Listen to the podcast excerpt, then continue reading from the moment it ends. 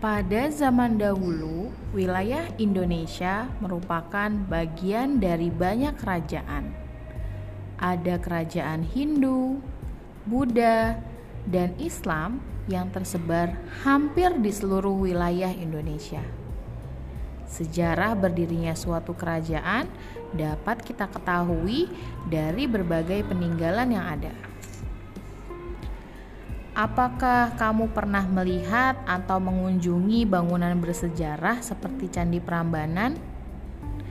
Candi Prambanan merupakan bangunan peninggalan bersejarah dari Kerajaan Mataram Hindu. Nah, selain Kerajaan Mataram Hindu, kira-kira apa saja ya kerajaan yang pernah ada di Indonesia?